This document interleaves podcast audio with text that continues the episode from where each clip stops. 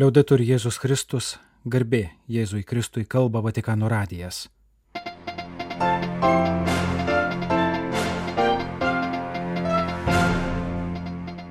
Malonus klausytojai šioje programoje. Minėjimas Fatimoje - karių piligrimystė Liurde.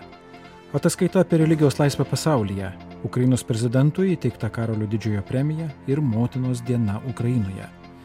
Niekas nebus pamirštas. Interviu su naujoju Karitas internacionalis pirmininku.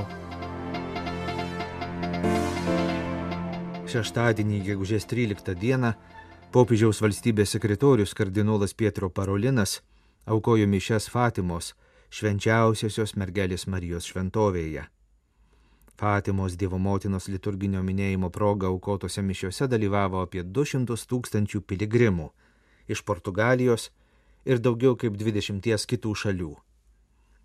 Mišių homilijoje, paminėjęs vadinamasias Fatimos paslaptis, kardinolas sakė, kad krikščionių tikėjimas atmeta katastrofiškas istorijos vizijas. Fatimoje apsireiškusi Dievo motina mus moko plėsti Dievo meilės erdves. Kristus savoje Velyko auka perkeitė pasaulį ir žmogaus pašaukimą jame. Jėzus suteikė galimybę ieškoti ir rasti Dievą ten, kur paprastai nežiūrime, tai yra vargšuose, mažiausiuose, tuose, kuriuos pasaulis pamiršta ir atmeta. Prisikėlusysis perkeitė gyvenimą ir mirtį. Kardinolas prašė melstis, kad Velykų šviesa ir vertybės niekada neapleistų žmonijos. Jis taip pat linkėjo, kad iš Fatimos šventovės ir toliau uoliai ir nuolankiai būtų skelbiamas visam pasauliu Evangelijos džiaugsmas. Per mišes Fatimoje buvo melžiamasi už taiką Ukrainoje ir visame pasaulyje. Mišiuose dalyvavo Lisabonoje šią vasarą vyksiančioms pasaulio jaunimo dienoms besirengiančio jaunimo atstovai su pasaulio jaunimo dienų simboliais - kryžiumi ir Dievo motinos ikona.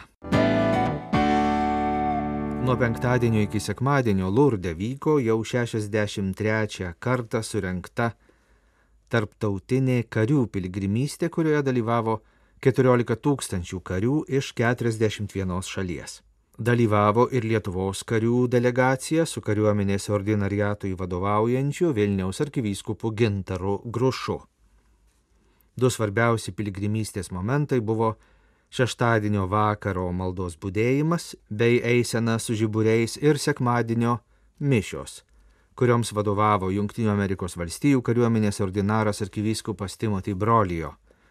Koncelebravo kiti savo šalių karius atlydėję kariuomenės ordinarai. Junktinių valstijų tarptautinės religijos laisvės komisijos duomenimis keliose pasaulio šalise 2022 metais labai pablogėjo religijos laisvės sąlygos. Religijos laisvės padėtis blogėja visame pasaulyje, teigiama Junktinių Amerikos valstijų nepriklausomos stebėsenos komisijos naujoje ataskaitoje. Neseniai paskelbtame dokumente Religijos laisvės komisija pranešė apie ženklę regresiją tokiose šalise kaip Afganistanas, Kinija, Kuba, Iranas, Nikaragva, Rusija. Ataskaitoje pateikiamos užsienio politikos rekomendacijos Junktinių Amerikos valstijų administracijai ir kongresui, skirtos užkirsti kelią religiniam persekiojimui ir skatinti religijos bei tikėjimo laisvę užsienyje. Rekomendacijos padeda Junktinių valstijų valstybės departamentui sudaryti metiniai vyriausybių ir nevalstybinių veikėjų, kurie dalyvauja arba toleruoja sistemingus, nuolatinius ir širkščius religijos laisvės pažeidimus sąrašą.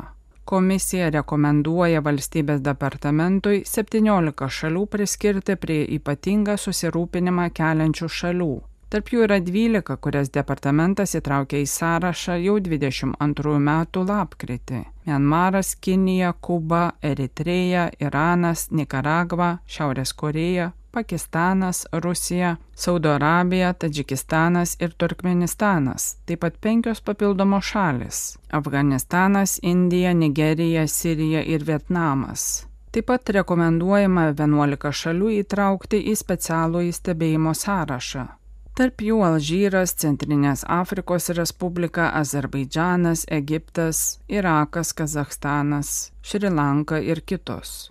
Ataskaitoje minimos sudėtingos situacijos, kurias išgyvena tikintieji tose šalise. Pavyzdžiui, prezidento Ortegos režimo Nikaragvoje vykdomas katalikų bažnyčios lyderių persekiojimas arba žmogaus teisų pažeidimai Rusijai įsiveržus į Ukrainą. Ukrainos prezidentas Volodimiras Zelenskis po šeštadienį Romoje vykusių susitikimų su Italijos valstybės ir vyriausybės vadovais bei su popiežiumi Pranciškumi išvyko į Vokietiją, kur sekmadienį Achene jam buvo įteikta Karolio didžiojo premija. Skirdami premiją Vokietijos Acheno miesto valdžios ir Karolio didžiojo premijos komiteto atstovai pabrėžė, kad ukrainiečiai vadovaujami prezidento Zelenskio gina ne tik savo šalies suverenitetą ir savo piliečių gyvybės, bet ir visą Europą bei Europos vertybės. Vokietijos kancleris Olafas Šolcas premijos įteikimo proga kalbėjo, kad Europa yra daug skolinga Ukrainos žmonėms. Karas suartino Ukrainą ir Sąjungą kaip niekada anksčiau ir padarė negryžtamą Ukrainos kelią į Sąjungą. Dėkodamas už premiją, Ukrainos prezidentas pabrėžė, kad jis ją priima visų savo tautiečių vardu, nes Ukrainoje yra milijonai didvyrių.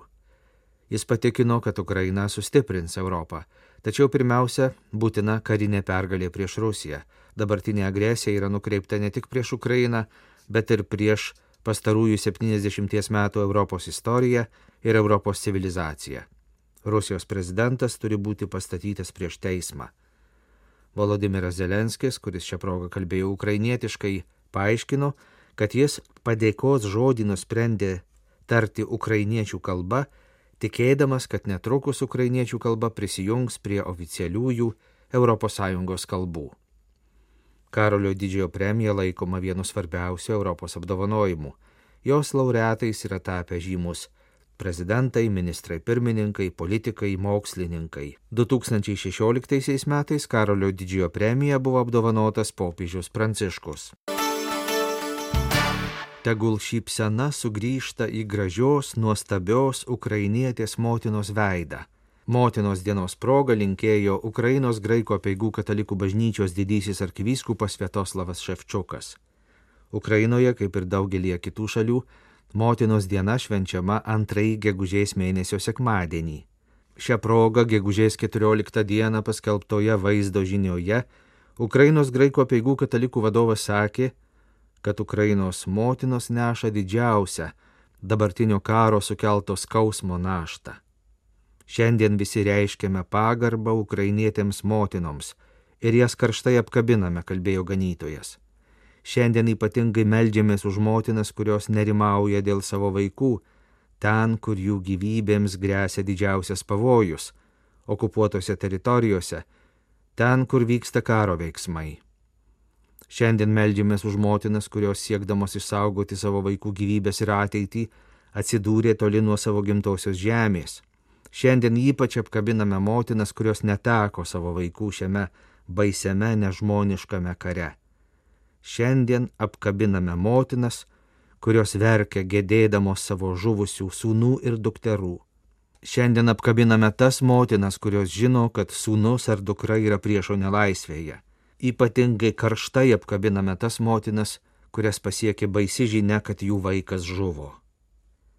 Arkivyskupas pavedė visas motinas švenčiausiosios mergelės Marijos globą ir meldė, kad Dievas jas laimintų. Brangios ukrainietės motinos, te laimina jūs Dievas visokiojopų gėrių ir sveikata. Tegul šypsena sugrįžta į gražios, nuostabios ukrainietės motinos veidą. Vatikano radio laidose italų ir ukrainiečių kalbomis sekmadienį buvo perduotas interviu su Lydija. Romoje laikina prieglopsti gavusią ukrainietę motiną, kurios sūnus kovoja fronte. Mamo, я зобов'язаний захищати свою батьківщину. Якщо не ми, то хто допоможе? Mama, jaučiu pareigą ginti savo tėvynę, jei to nedarysime mes, tai kas tai padarys? Taip man sakė mano sūnus gimęs prieš 26 metus laisvoje ir nepriklausomoje Ukrainoje, pasakojo moteris, kuri gyvendama Italijoje dalyvauja motinų maldos judėjime. Šis judėjimas, žinomas daugiau kaip šimte pasaulio šalių, vienyje motinas, kurios meldžiasi už taiką ir visų pasaulyje vykstančių karų užbaigimą. Ką jaučia motina sužinojusi, kad jos vaikas išeina į karą? Початку був розпач, обурення. Це тривало кілька днів, але я себе взяла в руки. Потрібно бути сильною, думаю, сильною духовно. Iš pradžių buvo neviltis, netgi pyktis, pasakojo Lydija. Tačiau tai truko tik kelias dienas, paskui atsigavau. Turime būti dvasiškai stiprūs, pasikliauti malda, nes malda suteikia ramybės ir padeda išsaugoti energiją eiti toliau, dirbti. Turime melstis ir dirbti, kad padėtume savo vaikams ir visiems kitiems - našlaičiams vaikams, sužeistiesiems, kariams, kurie per kovas buvo sužaloti, neteko sveikatos. Turime ir toliau daryti artimo meilės darbus.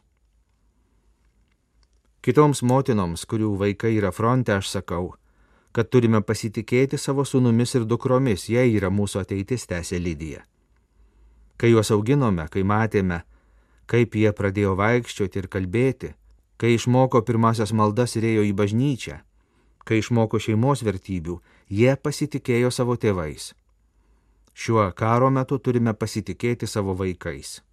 Jie kovoja už laisvę ateities kartoms. Напередодень свята Матері складаю подяку нашій матері Богородиці.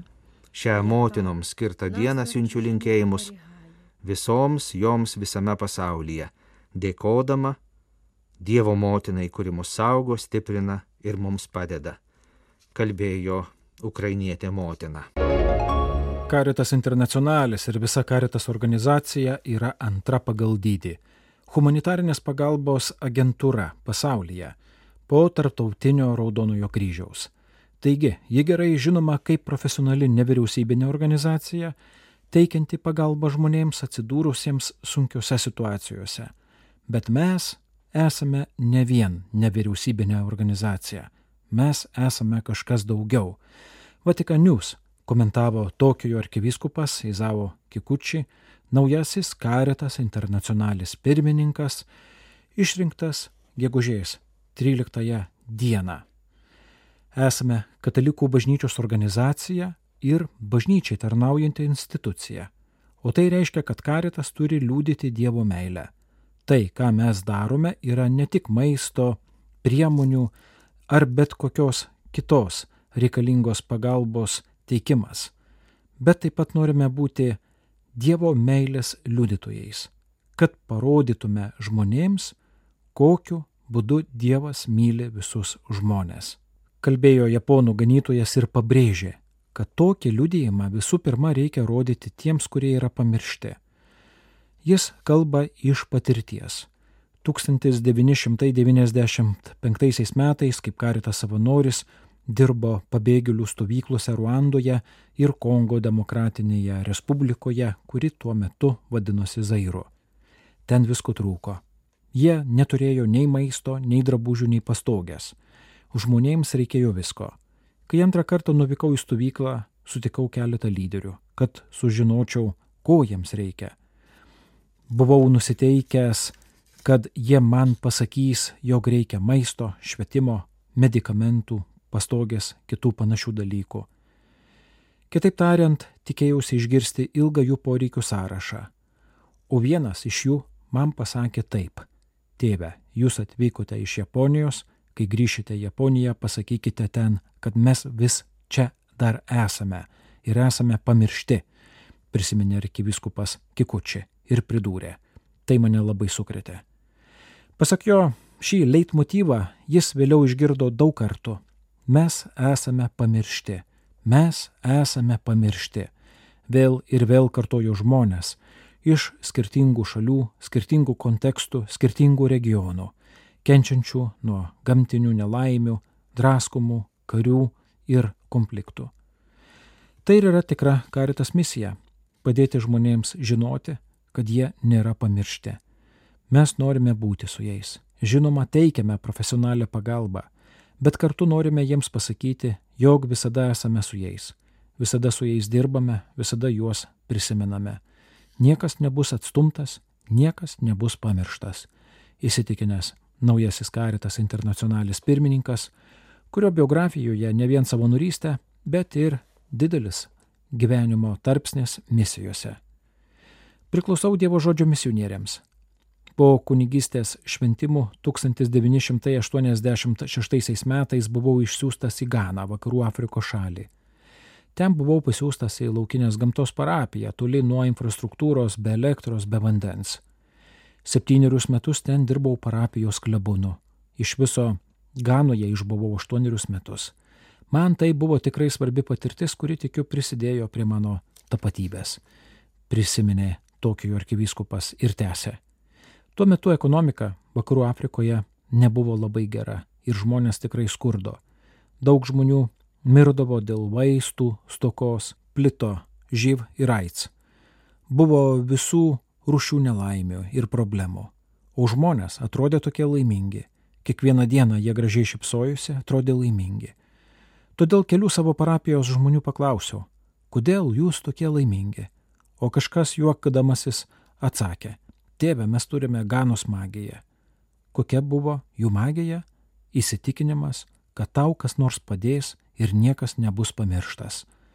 Tokioje kultūrinėje aplinkoje žmonės palaiko vieni kitus. Ten nematyti žmonių mirštančių pakelėse. Niekas nėra pamirštas. Toks įsitikinimas iš tiesų suteikia vilties gyventi. Tai tapo ir mano įsitikinimo pagrindu. Jei nepamiršime žmonių, tuomet sugebėsime sukurti viltį išgyventi. Negalime atnešti vilties iš išorės. Galime atnešti maisto, priemonių ir viso kito. Duoti tai sunkumus patiriantiems žmonėms.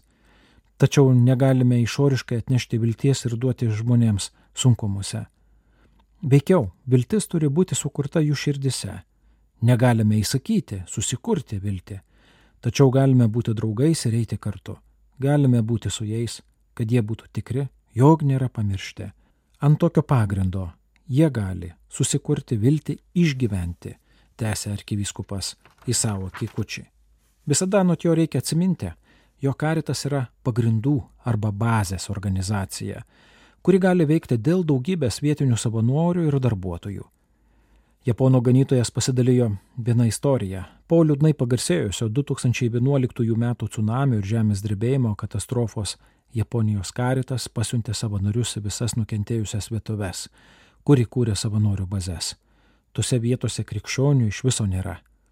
Po keliurių metų, kai visos kitos nevyriausybinės organizacijos tiesiog išnyko, karitas vis dar liko nelaimę patyrusioje teritorijoje. Žmonės pradėjo kreiptis į šiuos savanorius, ponas karite, ponė karite, sakė arkivyskupas. Pasak jo, šie paprasti karitas darbuotojai iš tiesų atstovauja organizaciją. Labai svarbu, kad kiekvienas tai darytų ir kitų būtų identifikuojamas kaip karitas. Ne vien mes, kurie dirbame administracijoje, esame karitas. Karitas kūrėme visi kartu su savanoriais, rezumavo naujasis Karitas internacionalis pirmininkas.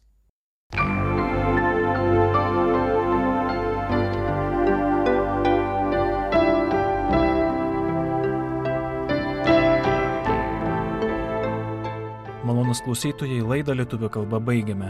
Kalba Vatikano radijas. Garbė Jėzui Kristui, liaudai turi Jėzus Kristus.